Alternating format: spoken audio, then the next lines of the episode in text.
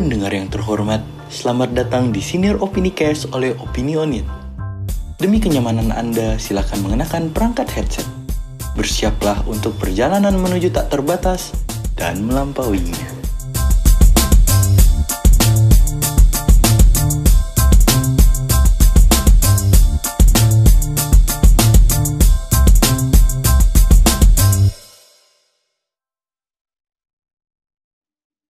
Halo semua, kembali lagi ke Opini Cast bersama gua eh, Rama dan gue bersama teman gue ini yang baru pulang akhirnya.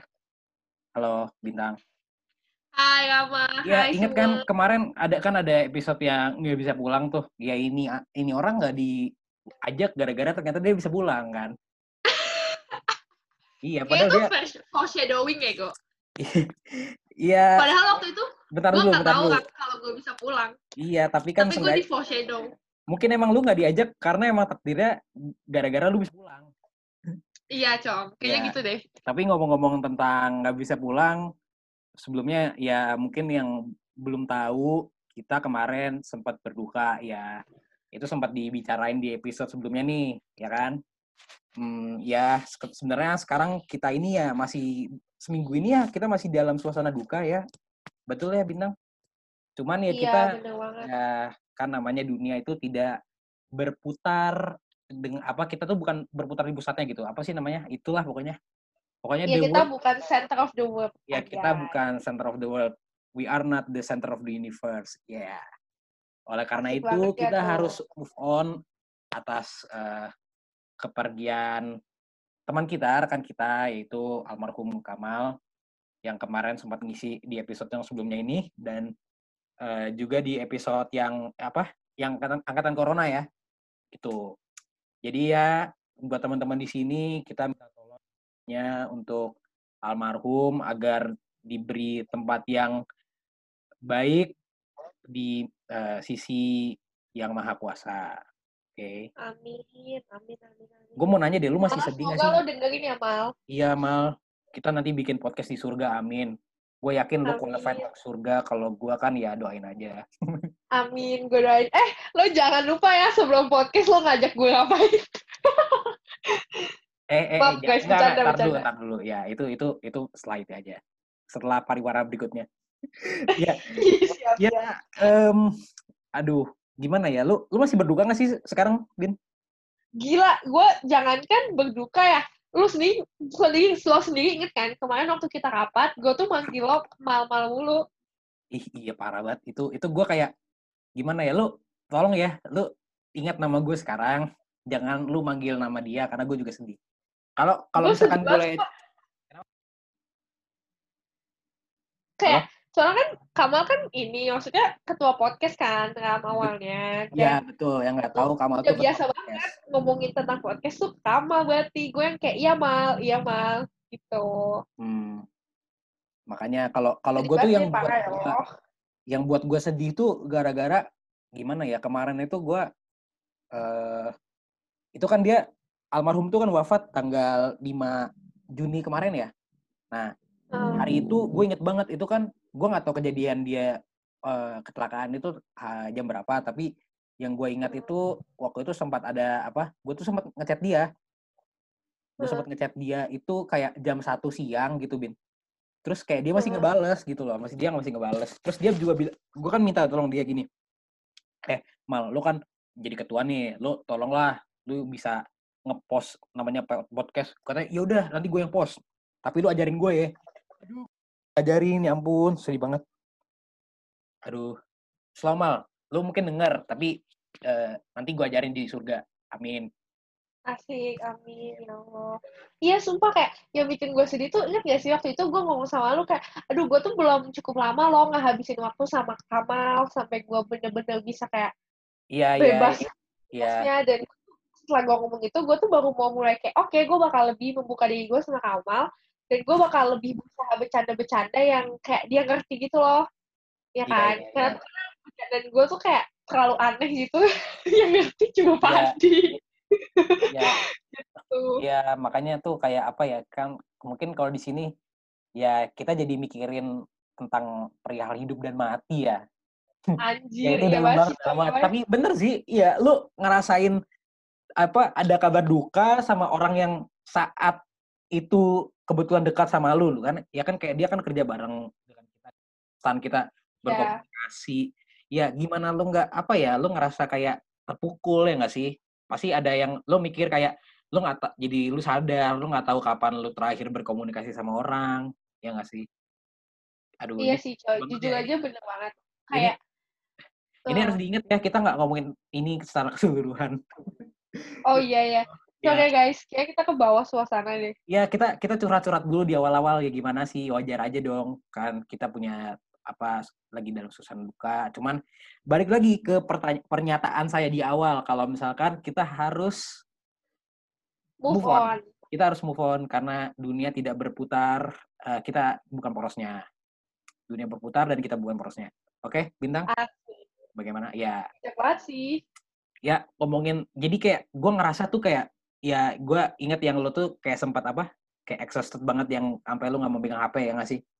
Yang Iya, iya. ya, dan exhausted tuh kayak gue tuh kayak emang, emang lagi ya doain ya guys gue lagi persiapan daftar daftar kuliah ke beberapa perguruan tinggi negeri di Indonesia ini. Ya tunggu aja kabarnya dapat di mana doain aja yang terbaik. Dan ya kayak itu Iya. salah satu ke- apa yang jadi pikiran gue sekarang. Terus kayak eh, kemarin itu beritanya berita dukanya nggak enak juga pos, eh, waktunya timingnya nggak pas banget dan juga kebetulan gimana ya gue tuh kayak ngerasain hal-hal yang terjadi belakangan ini tuh kayak apa ya kan kita kan ngikutin di sosmed ya itu kayak nggak enak banget Hmm. gitu loh kayak kerusuhan yang masalah Black Lives Matter yang masalah rasisme terus belum lagi si corona koroni ini nggak selesai selesai ya nggak sih Iya, jujur aja.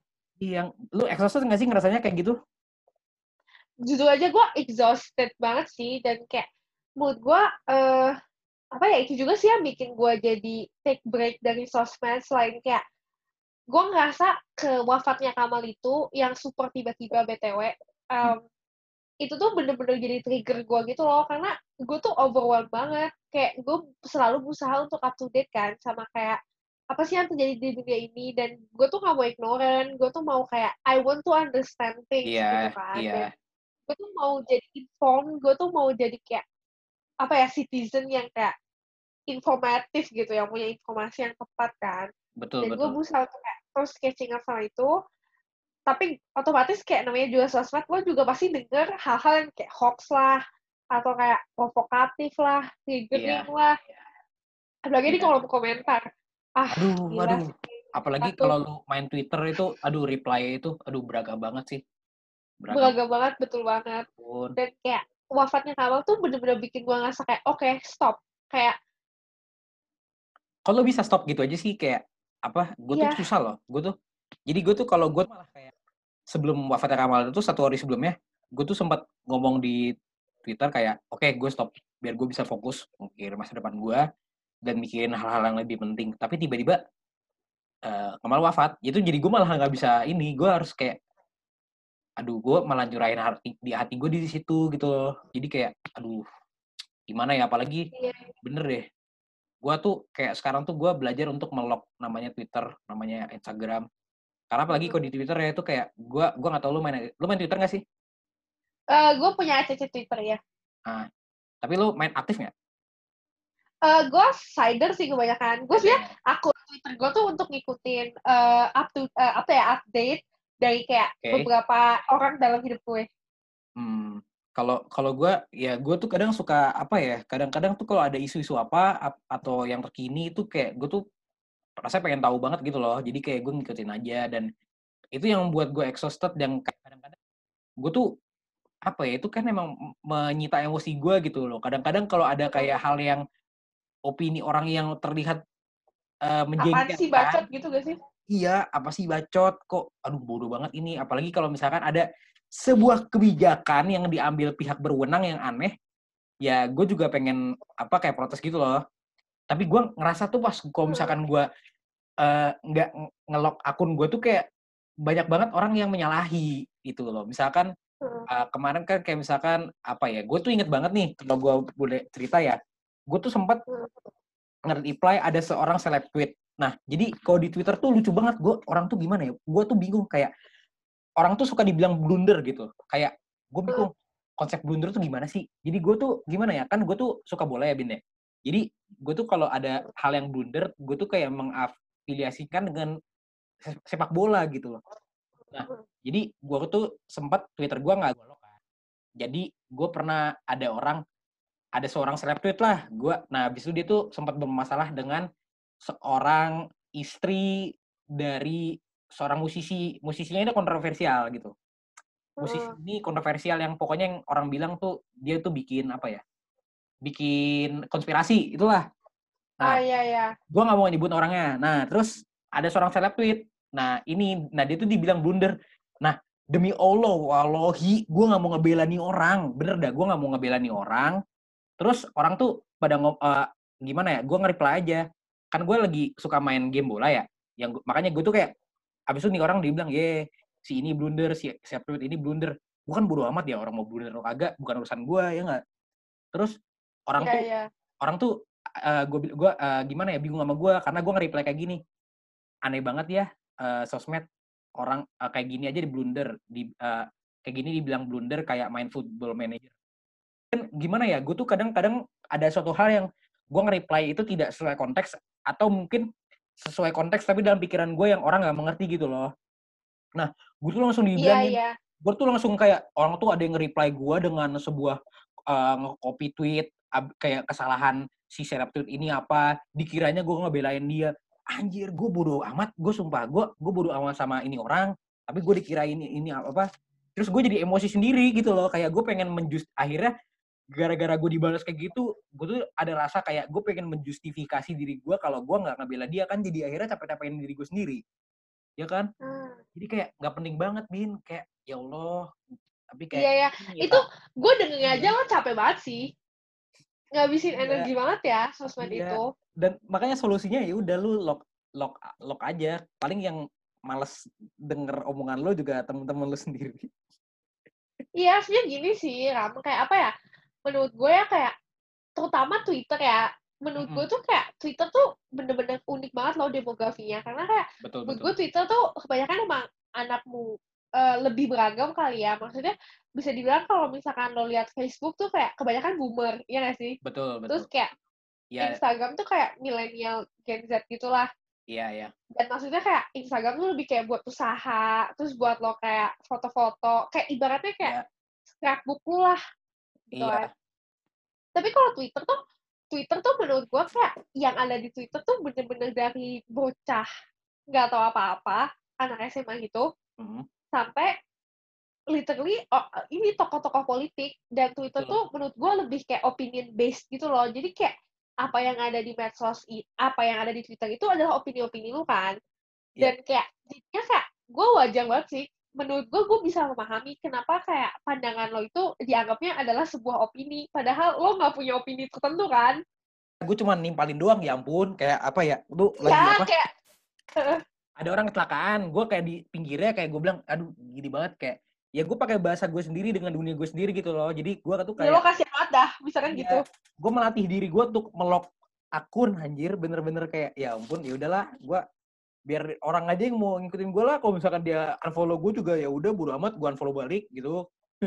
Iya, iya. aduh bener-bener aneh itu. Kalau kalau menurut lu gimana ya? Apa sih selain kayak lo kan lo bilang sendiri lo pengen tahu apa eh apa hal yang terjadi gitu loh. Dan lu kayak gue gimana ya? Kalau gue memparaphrase apa kata lu lu kayak ingin semacam make, a- make a difference gitu loh. Membuat sebuah Mhm. perbedaan. Kalau menurut lu eh gimana ya lu tuntutan di apa di sosial media itu apa aja sih Tuntutan. ya kayak apa sih yang Ah, iya sih. Oke, menurut gue gini ya, kultur sosmed itu, gue menurut gue kayak setiap ini bagusnya ya, bagusnya setiap kali ada acara, ada peristiwa penting, itu tuh gampang banget viral. Contohnya kayak kematian George Floyd itu kan, atau mungkin Yap, kayak blunder lo lah yang lo bilang itu. Mm-mm. Tapi buruknya adalah, menurut gue kayak semua orang tuh dipaksa untuk punya opini dan ngambil sides itu dengan super cepat. Itu Aduh, ngerti iya, gak sih iya, maksudnya? iya. Kadang-kadang Kayak, susah banget, iya. Gimana gimana? sementara kayak ya gak bisa segampang itu. Maksudnya untuk kasus kayak George Floyd misalkan, itu kan memang jelas kan, Black Lives Matter gitu. Betul. Kayak betul. of course, kayak we all agree on that gitu, atau apa, atau apa. Nah, tapi kayak kita juga sepanjang, kita juga mesti apa ya, stay informed gitu loh, gimana sih caranya bener-bener ngebantu causes ini gitu loh, instead of kayak lo cuma, bukan lo cuma Main kayak tagar. lo i- ya ibaratnya lo cuma main tagar dan nggak ra- gue nggak mau bilang kalau raising awareness itu nggak bagus ya kayak raising awareness tuh bagus banget tapi menurut gue ketika lo di sosmed dan temen-temen lo itu semua berpikiran yang sama itu tuh bikin kayak semacam echo chamber gitu loh di mana kayak oke yaudah ini opini gue dan semua orang bilang kalau iya lo bener lo bener lo lo aktivis banget deh lo paling keren bla bla bla bla Paling edgy, itu- paling edgy. ya mungkin gitulah aktivisme lo tuh berhenti sampai situ gitu dan kayak mungkin menurut gue juga ada hubungannya kali ya sama kayak ketika lo di sosmed seperti yang lo bilang lo udah exhausted banget kan Iya. udah lo uh, banyak informasi banyak interaksi juga lo udah exhausted banget nih sehingga ketika lo speak up tentang sesuatu yang penting lo tuh merasa kayak oke I've done my part padahal Ya. sebenarnya kayak kadang speak up itu nggak cukup loh kayak speak up itu bikin perubahan banyak cause you are spreading Iya. awareness kan tapi kayak menurut ta- tahap berikutnya adalah gimana caranya awareness itu berubah jadi sesuatu yang Gerakan. tangible Hmm. gitu Kalau nyata gue tuh mikir Iya. kayak nyata tuh juga nggak cukup gitu loh. Kadang-kadang kayak apa ya kita tuh gimana ya? Tapi mungkin gara-gara kita posisinya bukan siapa-siapa, tapi kita mikirnya kalau misalkan toko-toko besar dan dia berwenang juga kita berharapnya dari sebuah awareness tuh lahir sebuah kebijakan yang sistemik gitu loh. Karena tanpa Iya. sebuah kebijakan sistemik gitu-gitu kan ak- nggak ada perubahan gitu loh. Kayak gue gimana Iya, ya? Gue tuh inget kemarin eh, kalau ini mungkin apa ya? Ini masih curhat ya.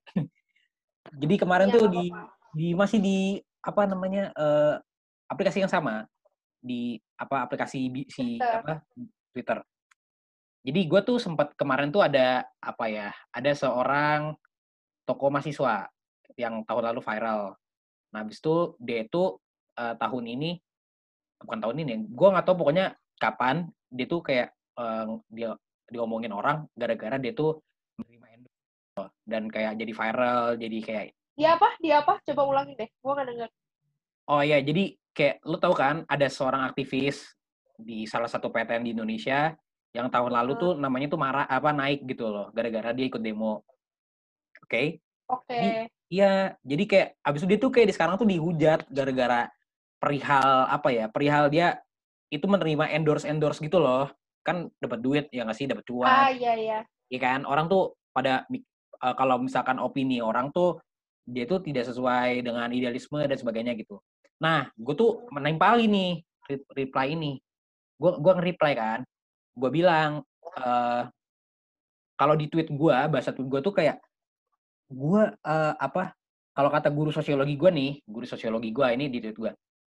eh apa namanya? Salah gerakan aktivisme itu yang di mahasiswa itu adalah apa namanya eh kalau secara apa sih namanya tuh artinya adalah mempersiapkan diri lu untuk jadi politisi gitu karena Hmm. eh, itu sih kalau dari tweet gue ya padahal kalau misalkan gue refresh lebih lanjut maksudnya eh apa ya lu kalau di sosiologi kan kayak belajar namanya mobilitas sosial ya nggak sih iya jadi kayak misalkan maksud gue itu eh, gerakan ini adalah salah satu saluran untuk lo menjadi politikus. Jadi eh, dalam artian gua gua ngomong lagi kayak lu ya udah lu nggak usah berharap. Maksudnya berharap tuh kayak lu nggak bisa berharap kayak seorang aktivis yang kemarin dia apa demo itu bakal bisa sesuai dengan idealisme dan keinginan lu terus gitu loh. Karena gua akhirnya gua Iya, kasih contoh kayak misalkan kayak misalkan Bapak Fahri Hamzah, Budiman Sujatmiko, dia kan eh, bapak-bapak ini kan awalnya dia aktivis kan, terus akhirnya dia masuk ke politik praktis. Gue bilang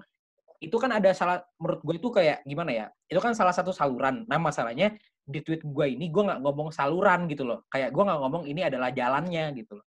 Nah orang tuh apa yang ini viral banget, yang nge- nge- nge-like gue tuh kayak ribuan gitu loh. Gue kaget kayak pertama kali ini likes gue jebol, sumpah. Terus or- ada beberapa yang kayaknya tokoh aktivis gitu, yang bukan tokoh aktivis ya kayak orang-orang yang udah pernah terlibat di aktivisme ya. Maklum gue kan ya baru dikit-dikit lah gue masuk kuliahnya belum gitu. Nah, gue tuh kayak maksud gue tuh maksud gue tuh itu adalah saluran gitu loh, bukannya gue gua menggeneralisir. Cuman kan namanya Twitter ya, lu ya berapa sih karakternya 260 ya? Ya kan? Iya. Kayak nggak lebih dari 300 yang jadi kan lu nggak bisa memverify semuanya kecuali lu nulis artikel. Ya kan akhirnya gue disalahin dikira gue menggeneralisir ya. Gimana ya? Susah di Twitter tuh lu dibilang menggeneralisir apa menggeneralisasi ya kan? Masalahnya kan emang dikit banget lu nggak bisa gimana ya? Jadi gue bukan ya itu kan curhat gue tapi dari situ gue menyimpulkan kalau lu di sosmed tuh nggak bisa bener-bener di apa dimengerti karena susah juga. Karena emang kayak uh, lu cuman dikasih wadah kecil gitu loh untuk menyatakan opini lu misalkan kayak di Twitter itu. Jadi lu nggak bisa expect semua orang bisa menerima lu juga karena kadang-kadang orang nggak paham maksudnya. Terus gue masukin lagi di, di tweet gue gue ngomong kayak gini ya gue justru malah kaget uh, ada anak mapala jadi presiden maksud gue kan gue bukan yang menjelekan anak mapalanya kan. Nih ada lagi anak mapala ngancam-ngancam gue woi kau orang nggak tahu apa itu mapala. Gue bukan kayak gitu bos. Maksud gue kan uh, kayak gue kaget. Justru orang yang apa ya waktu jadi mahasiswa nih tapi itu emang ambigu sih lam. Iya, kayak ya, kalau gue baca juga iya. itu kayak itu bisa lo baca dengan nada apa pun. Iya itu nah itu kayak misalkan kalau gue ngomong ketus ya gue bisa ngomong kayak malah gue bingung anak mapala kok jadi presiden? Itu kan kayak anjir maksudnya apa gitu loh? Iya. kayak itu emang ambigu sih gue gitu, akuin sih ya. tapi kan gimana ya itu mungkin kan konteksnya sesuai dengan tweet satu tweet yang itu yang apa salah si apa gue bilang yang saluran ini. Yang akhirnya bisa jadi politisi gitu loh. Karena poin gue adalah kayak ya lu nggak mesti lu jadi apa namanya lu jadi uh, apa namanya lu masuk dalam aktivisme yang berlebih gitu loh. Kayak jadi tokoh uh, di uh, mahasiswa tapi lu malah justru yang jadi presiden tuh yang nggak kayak gitu itu maksud gue gitu loh. Akhirnya gue di tweet yang lain gue bilangin lagi kayak emang di Indonesia ini kalau mau ngomongin politik yang lebih dalam ya kadang-kadang justru bukan pure politisi tapi justru tokoh-tokoh yang apa ya beda-beda gitu loh kalau menjadi presiden. Tapi ya nanti kita ngomongin di podcast yang lain lah gitu loh. Uh, apa namanya ya gitu deh pokoknya. Itu yang gue iya gue ngerti sih mm gue I can I get that gitu. Cuma kayak menurut gue gimana ya kayak um ada menurut gue ada bagusnya juga sih kayak gitu Twitter. Karena itu mm. ngebangun ngebangun apa ya ngebangun uh, usaha lo untuk jadi concise gitu. Karena kayak gue nggak tahu ya tapi kayak sekarang kan gue uh, nulis esai nih. Kan salah satu tugas gue tuh banyak bikin academic paper.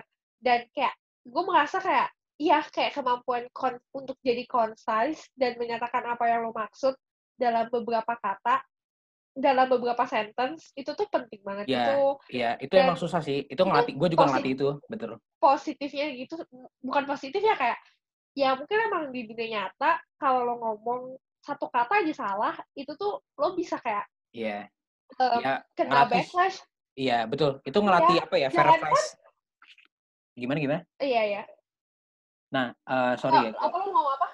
Enggak, itu jadi intinya kayak itu melatih lo untuk fair price apa yang iya, apa iya. lu pikirin gitu ya. Sama satu lagi yang kayak gue pikirin itu kan baru masalah Twitter ya yang lebih menyangkut opini apa yang lu pikirin ya nggak sih? Tapi ada lagi yang menyangkut kayak masalah kalau misalkan lu main Instagram, Instagram tuh kan lebih ke berkaitan dengan apa ya? Kayak apa?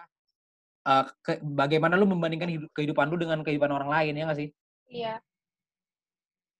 Itu, nah itu berarti kan ada masalah lain lagi selain itu. Kayak kita juga selain masalah di Twitter tadi masalah opini, kita juga belum lagi ngomongin masalah tuntutan di sosmed tentang pamer-pamer ini kayak di Instagram, di TikTok, ya nggak sih? Iya ya, gue Kalau menurut tuh gimana kayak misalkan masalah kayak apa ya? Apa uh, tuntutan sosmed untuk pamer masalah duniawi ini? Aduh, gue nggak tahu sih. Tuh biasa kayak gue tuh bener-bener waktu gue SMA ya, terutama kelas 1, kelas 2, gue tuh affected banget sama yang namanya Instagram. Kayak, hmm. gue tuh ngerasa kayak, karena gini ya, ini untuk kasih background kali ya, kak. Gue tuh dulu waktu SM, SD dan SMP, gue tuh pergi ke sekolah lokal. Maksud gue sekolah yang dekat sama rumah gue. Okay. Sekolah gue ini itu sekolah kecil, kayak satu angkatan cuma 300 orang. Hmm, okay. Jadi kayak maksudnya kecil lah dibandingin oke okay, mungkin mungkin banyak sih tapi kayak maksud gue ketika dibandingin sama SMA gue itu kecil banget karena SMA gue tuh satu angkatan seribu lebih banyak kayak banget seribu seratus ya seribu lah kayak satu angkatan gitu. satu atau satu iya sekolah? satu angkatan seribu uh-huh. buset terus tuh serius? kayak serius coy ya pokoknya ya 600 900 lah kayak sedikit paling sedikit kayak emang banyak banget Akhirnya? kan dan karena gua kebiasaan pergi ke sekolah lokal satu angkatan tuh kayak saling kenal pertama terus background kita tuh rata-rata sama kayak dari Hmm. lingkungan yang sama dari perumahan yang deket tetanggaan orang tua kita saling kenal lingkup eh, terus background sosial ekonomi kita juga sama terus tiba-tiba Oke. gue masuk SMA yang tuh beda banget dan Hmm. gue tuh bener-bener shock banget apalagi begitu gue pertama kali punya Instagram gue punya Instagram di SMP tapi kayak gue baru mulai aktif Itu di SMA menyalahi apa ini ya minimal umur. iya bener. Gue sama SMA gue ngeliat kayak gila orang tuh kayak begini ya ternyata hidup di luar eh, Iya. my little bubble gitu. Itu gue ngerasa kayak parah sih gue ngerasa bener-bener rendah diri banget. Apalagi gue tuh orangnya kayak kurang apa ya gue kurang terbuka gitu sih. Even kayak di sosmed juga gue kurang terbuka gitu orangnya secara umum kayak lo Hmm. gimana ya kayak gue emang private person gitu jadi kayak kalau gue nggak ditanya gue nggak cerita gitu Jadi lo nggak ada tuntutan kayak apa ya merasa tuntutan harus apa untuk pamer-pamer gitu. Soalnya ini mungkin masalah yang untuk orang yang bener-bener ngikutin Instagram dan TikTok kali ya. Gue TikTok iya tahu sih. dan kayak Gue gue nggak main. Tapi- even tau gue tapi justru itu yang bikin gue ngerasa pressure banget karena gue gak biasa kayak gitu terus gue ngeliat semua orang kayak gitu dan gue merasa kayak bitch I have to be like that ngerti gak Oh, sih kayak Jadi lo tetap ngerasain dong berarti. kayak iya iya bener dan menurut gue kayak apalagi lu kelas 1 kelas 2 ya wah gila sih gue itu rendah diri banget coy Iya. apalagi kayak ya gitu deh Iya. Ini apa gimana ya? Ya maaf ya kalau buat pendengar ini kayaknya uh, kita tuh lebih banyak curhat tapi ya tolong diambil sebuah apa uh, maknanya gitu. Ya maaf ini kelihatan tidak berbobot tapi sungguh-sungguhnya ini sebuah apa ya? Ibarat kayak aduh gue nggak bisa ngomong apa ya. Pokoknya itulah kita tuh ya pokoknya lo hangout Dari- sama kita lah Iya dari dari curhat-curhat ini ya bisa semoga bisa diambil sebuah maknanya. Ya intinya begitu. eh ini apa namanya? Min kayaknya kita harus pindah ke segmen kedua kali ya. apa tuh Ya. Jadi eh mungkin ini eh, segmen pertama. Jadi eh, sebentar lagi nanti kita lanjut lagi di segmen kedua. Oke? Stay tune ya. oke deh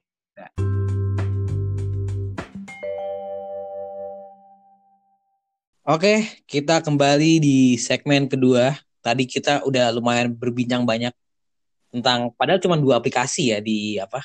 Di Twitter, Instagram. Kalau tadi Twitter kan tentang apa ya? Tentang opini kayak ya ya pokoknya edgy-edgyan lah tentang opini.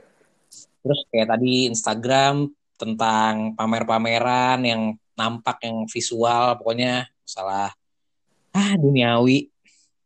Terus kalau oh ya kayak gue lupa deh kayak lu main masih main Facebook gak sih? Yang kan tadi lu bilang masalah boomer ya. Iya, gue gua masih pakai sih karena em, banyak kayak di uni gue tuh kalau selain by gitu-gitu di ini di apa sih di em, di Facebook. Oke. Lu main Facebook gue buat kenapa kayak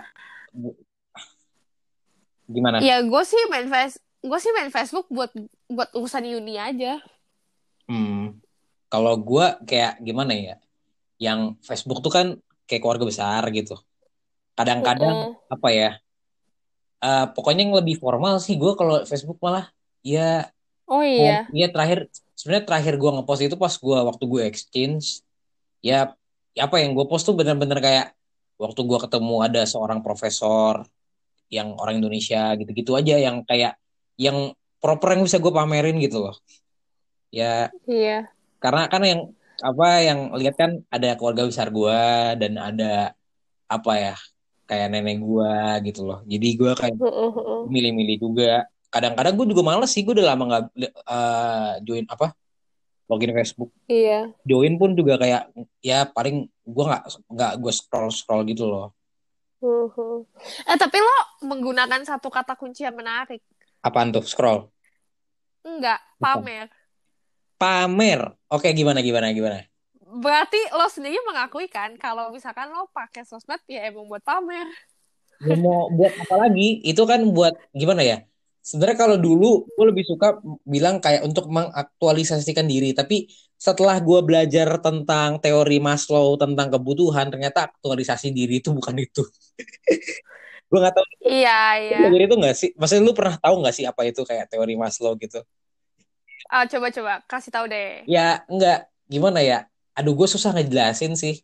Jadi Intinya aja, intinya aja. Nah, intinya kalau gimana ya? Aduh, gue jujur gue lupa. Tapi yang gue ingat gini. Jadi kalau teori Maslow itu kan ada beberapa tingkat. Tingkat tertinggi itu eh, tingkat di mana eh, kebutuhan lu itu untuk mengaktualisasikan diri dan mengaktualisasikan diri itu lu kayak apa ya?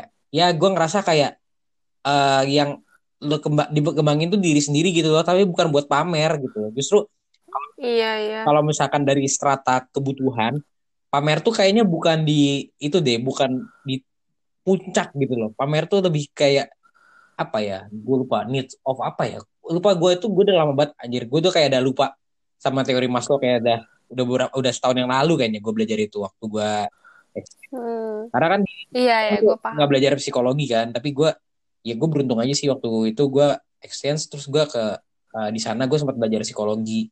Ya kayak ya ngerasain lah sedikit apa pembelajaran Iya, iya. intinya gitu ya balik lagi. Emang gue ngakuin sih gue pamer. Karena karena gue merasa itu wajar wajar nggak sih? Tapi kayak mungkin untuk orang-orang awam ya ya dulu di sosmed pamer. Kalau lu gimana Ya gimana? Ya menurut gue tuh udah suatu apa ya ke apa ya mungkin natural kali ya. Kita tuh pengen pamer. Cuma kayak nggak mengakui gue juga Gimana? pernah ada pernah ada di satu sisi di mana gue tuh kayak gue tuh pengen eh, gue tuh pengen eh selama gue exchange tuh gue tuh pengen ini pengen kayak nunjukin lo gue ngapain aja sama teman-teman gue lo lo yang ke mana? waktu gue exchange. Gue ke ke Amerika Serikat. Ih keren banget ya Dan- negaranya sekarang lagi gaduh. iya lagi terkenal banget tuh. Ya pokoknya gitu. Terus tuh kayak nggak tahu deh. Cuma gue tuh gimana ya? Kamu kayak gue menurut gue eh gue tuh punya personality yang kayak gampang banget namanya addictive addicted addicted ke sesuatu. Oke. jadi tuh gue sendiri kayak jadi ya somewhere along, along the line waktu gue exchange itu gue kayak wah gila gue sadar banget nih gue tuh gampang banget addicted addicted ke sesuatu Hmm. jadi gue kayak pelan-pelan berusaha mendistance diri gue gitu dari Instagram. Ah Instagram. Gitu sih.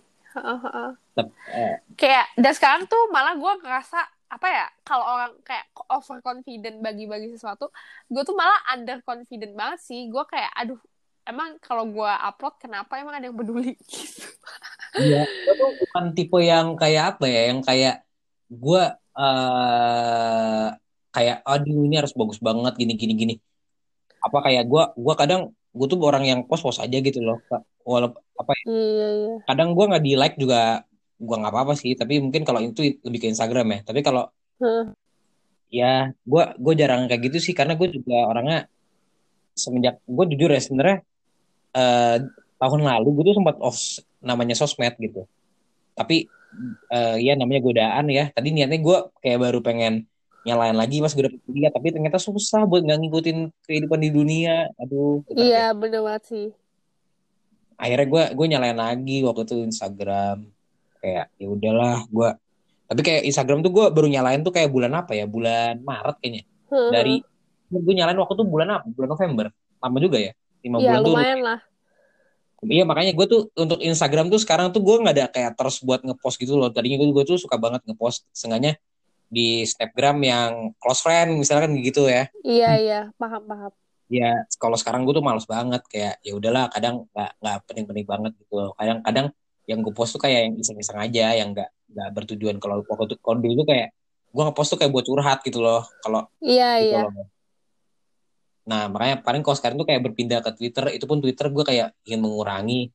Karena ya gue bilang tadi, kalau Twitter tuh, aduh, persinggungan itu ribet banget. Tapi tadi yang gue jujur kayaknya ada yang gue lupa lupa bahas ya masalah kayak di Twitter tuh perihal tagar sih. Ah, yang tagar tadi kan kenapa nih tagar? Itu gue satu hal yang buat gue enak itu kayak apa ya? Ini bermasa ini kayak beda ya. Kalau tadi kan kita tempat ngomongin masalah kayak eh, sosial media perihal masalah pamer ya nggak sih? Kalau Iya. ini tuh masalah kayak pemikiran, kayak propaganda gitu yang gue mikirnya kayak gue mikir tagar itu salah satu menurut gue salah satu apa ya? Salah satu moda untuk propaganda dari pihak berwenang atau mu- mungkin orang yang menunggangi eh, apa tagar itu gitu loh. Kayak misalkan Hmm. kemarin itu kan ada 2019 ganti presiden ya. Itu kan kayaknya gue nggak tahu ya sejak kapan tagar tagar tagar ini naik tapi kemarin tuh kan gila itu 2019 ganti presiden tuh kan apa ya? Intens banget gitu ya. banget. Gue kan jujur ya waktu gue masa lagi masa-masa pemilu tuh gue nggak di Indonesia. Itu tuh kayak apa ya gue nggak tahu polarisasinya sebesar itu loh. Kayak perang tagar tuh segitunya sampai gue balik ke Indonesia setelah enam bulan gue main Twitter gue sadar kayak wah gila banget sih. Apa Iya. namanya dari tagar itu kalau menurut lo gimana masalah tagar-tagar ini Eh, gue sih gimana ya, Kam? Gue eh dulu dulu gue pernah ada di posisi di mana gue tuh kayak engage banget sama aktivisme di sosial media, di mana gue ikut juga main tagar, gue ikut gini gini gini. Cuma Oke. eh sekarang apa ya, gue belajar untuk mendistance diri gue sendiri kan. Jadi sebenarnya kalau libur sosial media tuh gue udah hampir se- setahun sekali gue ngelakuin kayak ya udah gue libur Oke. aja gitu kayak dua bulan Hmm. tiga bulan gitu atau enggak kayak Iya. seminggu gitu kan Hmm. Em, dan jadinya eh, itu apa ya ngasih gue perspektif sih kayak eh, emang apa ya kita menurut gue ya kalau misalkan lo ngomongin perang ideologi atau apa gue dulu gue termasuk orang yang mikir kayak ideologi itu penting kayak ideologi itu kayak Iya, iya. sesuatu yang perlu lu fight off atau fight for lah atau apa betul tapi gue sekarang ngerasa kayak oke kalau misalkan emang ideologi-ideologi yang mungkin clash sama kita atau mungkin rada kayak um, closed quote and quote closed gitu atau mungkin kayak ini ideologi lu sebenarnya berbahaya loh atau apa Hmm. Pun berbahaya kan pasti ada spektrumnya dong pasti beda kan antara orang yang bilang Iya, kayak iya. Oke, misalkan contohnya apa ya? Mungkin ideologi berbahaya tuh kayak Indonesia eh, gak boleh republik, kayak kita harus ganti bentuk negara jadi kayak eh kayak monarki atau khilafah gitu misalkan. Aduh ya pun semoga gak ada yang kesinggung ya. Iya. misalkan ada yang mau pendapat kayak gitu. Tapi kan ada bedanya kan orang yang berpikir bahwa kayak oke monarki dan hila atau khilafah ini lebih baik untuk Indonesia dengan orang yang kayak oke gue akan eh, panggil anak-anak muda untuk bantu gue nyebarin ideologi ini dan gue bakal overthrow pemerintah. Itu kan pasti ada bedanya kan? Iya. Dan gue Iya. belajar untuk kayak oke kalau misalkan itu bukanlah sebuah ide mis- sekalipun ideologi itu bertentangan dengan gue atau mungkin itu penuh dengan kebencian, kalau itu belum punya bentuk fisik, gue nggak akan terlalu pusing tentang itu. menanggapi Iya, gue gak akan terlalu menanggapi. Tapi gue janji Hmm. di dunia nyata gue akan speak up tentang hal-hal yang udah terkristalisasi gitu. Be- tentang hal-hal yang Iya. kayak misalkan contohnya ada orang penuh kebencian nih terhadap satu ras. Tapi kalau dia simpen dalam diri dia, ya udah nggak apa. Tapi kalau dia ngomong depan gue, itu bakal gue gua apa ya gua tangkis lah gitu karena gua nggak percaya dengan ideologi kebencian dia dan menurut gua karena Itu- kebencian itu berbahaya itu- gitu itu cukup bijak ya. dan gue Kalau merasa jauh lebih sehat sih kayak gitu Hmm. kayak eh, Kalau gue gimana? Lebih sehat kayak gimana? gue merasa Ini menarik nih. lebih sehat kayak gitu pertama dan kedua gue berusaha aja untuk menyalurkan keresahan gue itu jadi melalui kayak opinionian misalnya kayak gitu sih ah, ah, Promosi. gue mau promosi salah satu proyek kita ini berkaitan dengan eh, pemilu ya tahun lalu jadi tahun lalu itu setelah pemilu kita berinisiatif untuk mengunjungi eh, imam besar istiqlal dan juga eh, ini ya kayak eh, pastor agung gitu eh eh, gereja Katolik Iya, Iya. yang sekarang jadi kardinal. Iya, yang sekarang jadi kardinal. Gitu sih. Dan menurut gue kayak du- pengalaman apa ya, hal-hal kayak gitu, itu yang bener-bener kayak eh membuat gue merasa lebih, apa ya, lebih, lebih kayak, oke, gue merasa kayak, Iya. oke, pokoknya gue udah ngelakuin sesuatu yang gue bisa deh untuk melawan ideologi yang gue nggak setuju dalam hal ini ideologi kebencian gitu dibanding gue Iya. berantem di Twitter karena kayak aduh itu nggak ada habisnya sih coy cause I was like Iya. that bisa lebih kasih tahu lo itu nggak ada habisnya Betul. Kayaknya lebih baik lu daripada lu melakukan itu, lu berantem di Twitter atau Instagram atau di mana pun, lebih baik lu apa ya, lu melakukan sesuatu kayak tadi, kayak lu mendatangi toko-toko agama dan belajar di situ, atau lu berkreasi. Jadi itu bentuk perlawanan lu ya nggak sih? Terhadap Iya. apa? dengan- Uh-uh. Dan satu hal yang apa yang gue pengen ngomongin tentang tagar ini, ini bentuk keresahan gue juga. Karena gue ngerasanya tuh kayak demokrasi itu kan sebenarnya harusnya sebuah yang mendidik gitu loh. Kayak demokrasi itu harusnya diisi dengan apa ya? eh, yang sesuatu yang lebih intelek gitu loh. Tapi gue ngeliat sekarangnya tuh kayak di apa ya?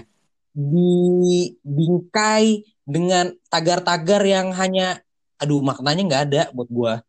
Yang Mhm. akhirnya eh, sebuah apa ya? Opini itu dibentur-benturkan gitu loh. Kayak sekarang ini masalah corona eh perihal ekonomi, perihal eh, kesehatan ini kan dua hal di Indonesia itu justru malah dijadi dibentur-benturkan gitu loh. Kayak ini gue tim ekonomi, gue tim apa?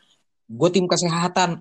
Itu kayaknya dua hal yang kemaslahatan umat gitu loh. Yang lo nggak bisa memilih itu harus yang diutamakan gimana ya? Ya gue ngerti. Mungkin dalam prakteknya emang nggak pernah Ada segampang perbedaan. itu ya nggak sih gak pernah segampang itu tapi kayak dengan lu mem, apa gimana ya mempolarisasi antara dua ini kayaknya nggak bagus Iya. kalau buat gua. Iya betul tapi banget. dan ini Heeh, heeh. sementara dan kayak tagar ya ya, ini dan tagar-tagar ini loh yang jadi apa yang jadi alat gitu loh.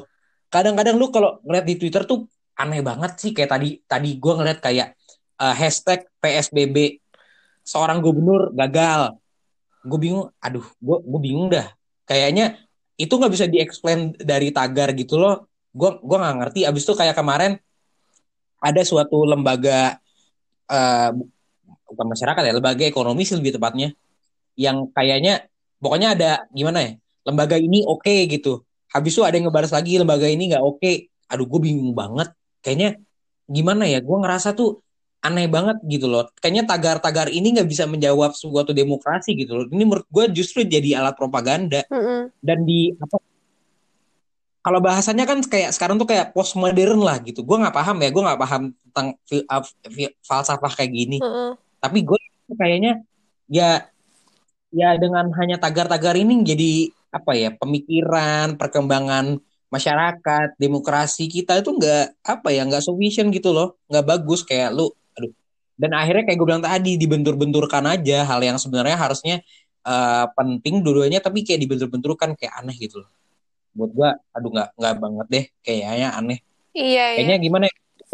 lu mendukung eh, mendukung kesehatan lebih utama justru malah orang-orang yang mendukung ekonomi ini gitu. Jadi akhir aneh banget. Iya iya. Emang gue ngerti sementara kayak di dunia nyata itu tuh nggak bisa kayak gitu. Di, di dunia nyata tuh nggak ada yang kayak oke gue gue Iya. pilih ekonomi maka gue nggak punya kesehatan. Nyatanya tuh nggak gitu. Kayak kita tuh hidup di abu-abu guys.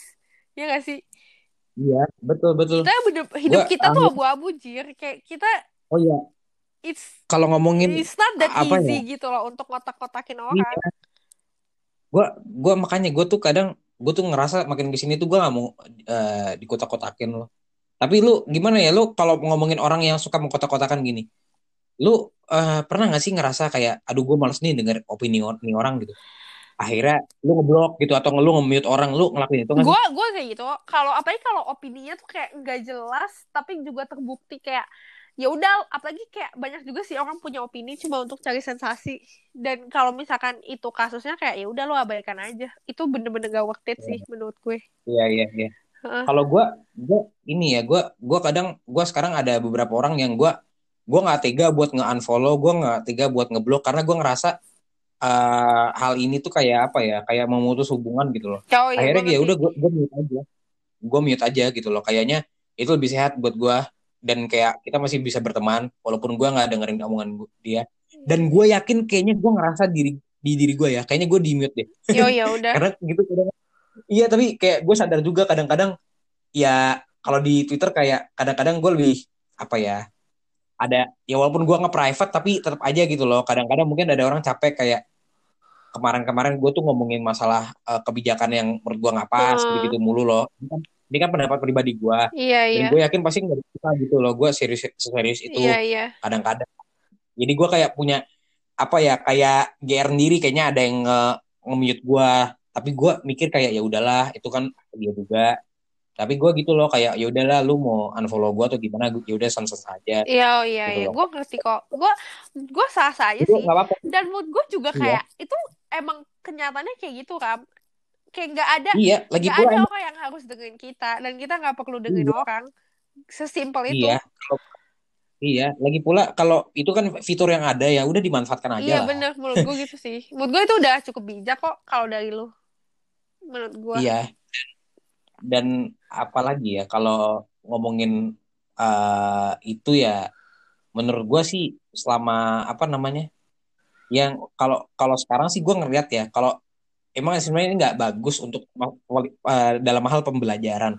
Tapi kadang-kadang lu di dalam sosial media lebih baik lu merasa diri lu paling benar.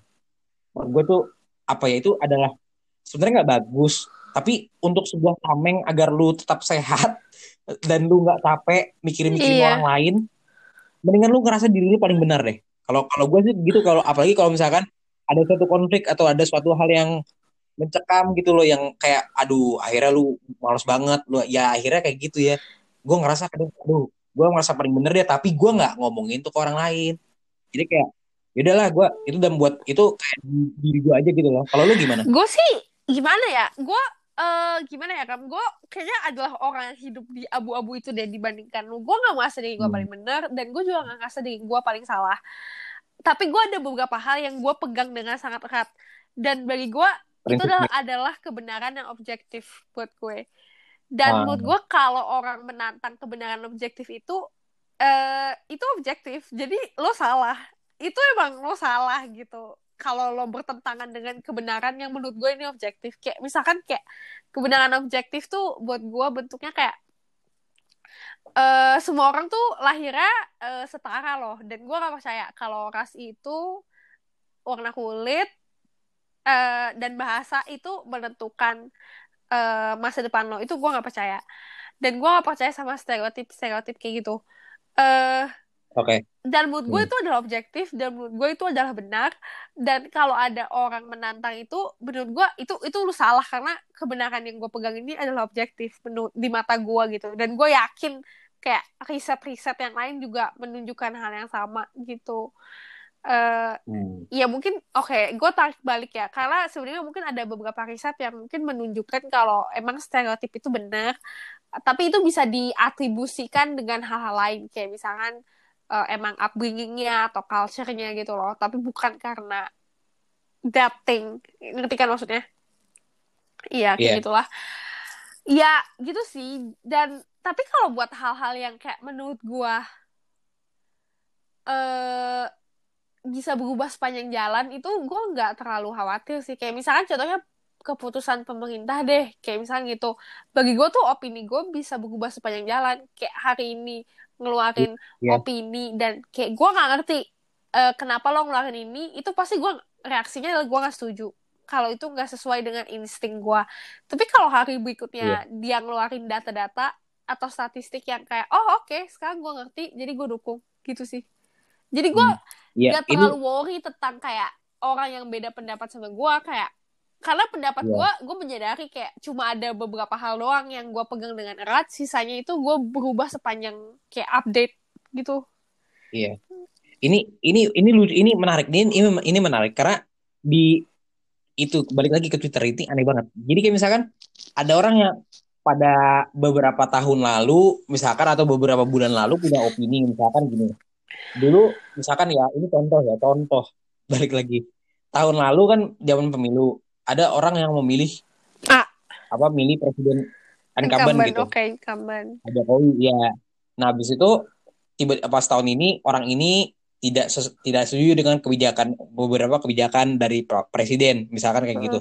Terus apa? Ada orang yang kayak misalkan nih orang tiba-tiba ngasih opini kayak gini. Terus tau nggak apa yang dilakuin sama uh, orang di sosmed? Opini yang lama itu kayak di screen di screenshot terus di reply gitu loh terus kayak di ngebandingin orang gitu. Menurut gue tuh kayak nggak pas ya nggak pas itu kayak kalau misalkan menurut lu orang tuh opininya bisa berubah itu kayak nggak pas gitu loh.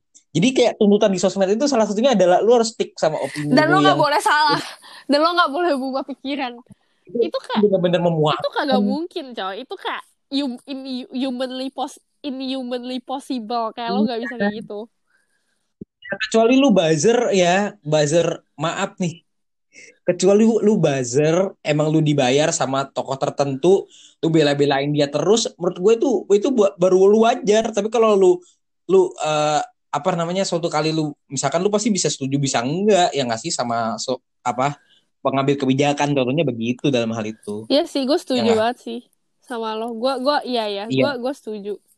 Karena itu emang nggak ini mungkin. kayaknya udah iya nggak nggak mungkin gimana sorry? Nggak mungkin kayak lo justru malah bagus kalau lo berubah pikiran. Tandanya kan lo berubah gak sih? Tandanya lo ngedengerin anjing orang ngomong apa. Iya, dan kita juga harusnya kayak gitu tuh orang tuh bebas aja, nggak harus kayak misalkan eh, gimana? Ini balik lagi ke perihal mengkotak-kotak kan sebenarnya. Kayak misalkan lo tahun lalu lo memilih eh, bapak presiden yang sekarang misalnya, terus sekarang lo nggak setuju, lah berarti kan lo ada hal yang nggak setuju dari kebijakan misalkan kayak gitu. Nah itu berarti kan lo apa ya? Lo nggak terbebas dari suatu apa ya? kritisme berarti pilihan. lo tetap kayak pay attention dong Lo tetap kritis, tetap pay, pay attention atau tetap apa ya intinya begitulah intinya lu bebas gitu dalam berpikir itu intinya gua dan lu nggak mau dikotak-kotakan berarti kok gitu tapi kalau lu dikotak-kotakan kan menurut gua ya itu itu balik lagi ini kesalahan ini ah, kenapa salah satunya gara-gara yang perang tagar tadi ada hal yang dikotak-kotakan justru nggak bagus. Eh ini kayak udah kita udah banyak banget kita omongin dari Heeh. tadi di awal. Ya sempat kayak apa kita ngomongin tentang tuntutan bersosial media lah perihal masalah opini masalah eh, pembenaran masalah apalagi tadi yang eh, pamer-pameran ya? Aduh ya Allah nggak. Gue gak buka diri gue sendiri. Ah nggak apa-apa. Ya udah iya semua orang begitu itu kan.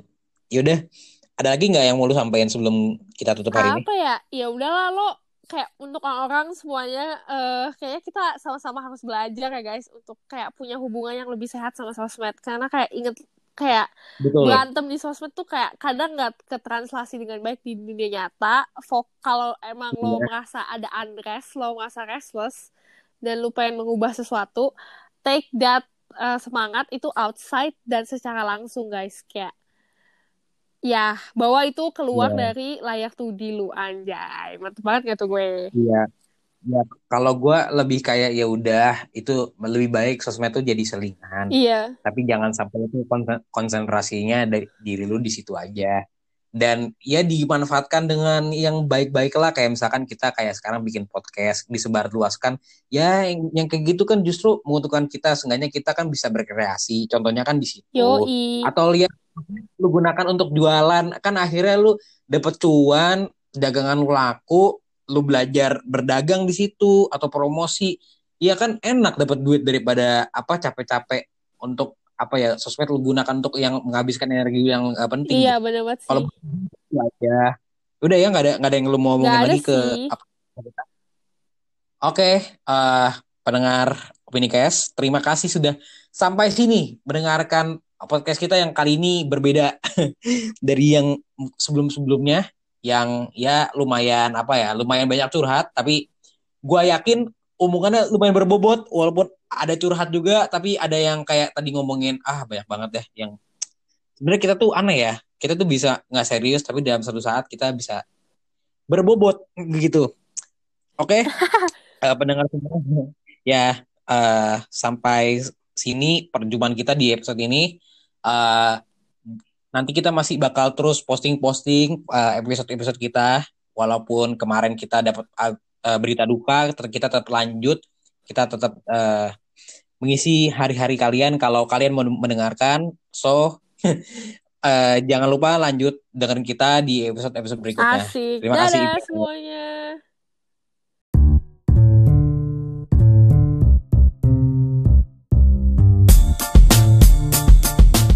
Para pendengar yang terhormat, kita telah sampai pada akhir dari perjalanan kita pada hari ini. Atas nama Opini Onion dan seluruh awak Opini Cast yang bertugas, kami ucapkan terima kasih dan jangan baper. Karena baper itu pekerjaan setan.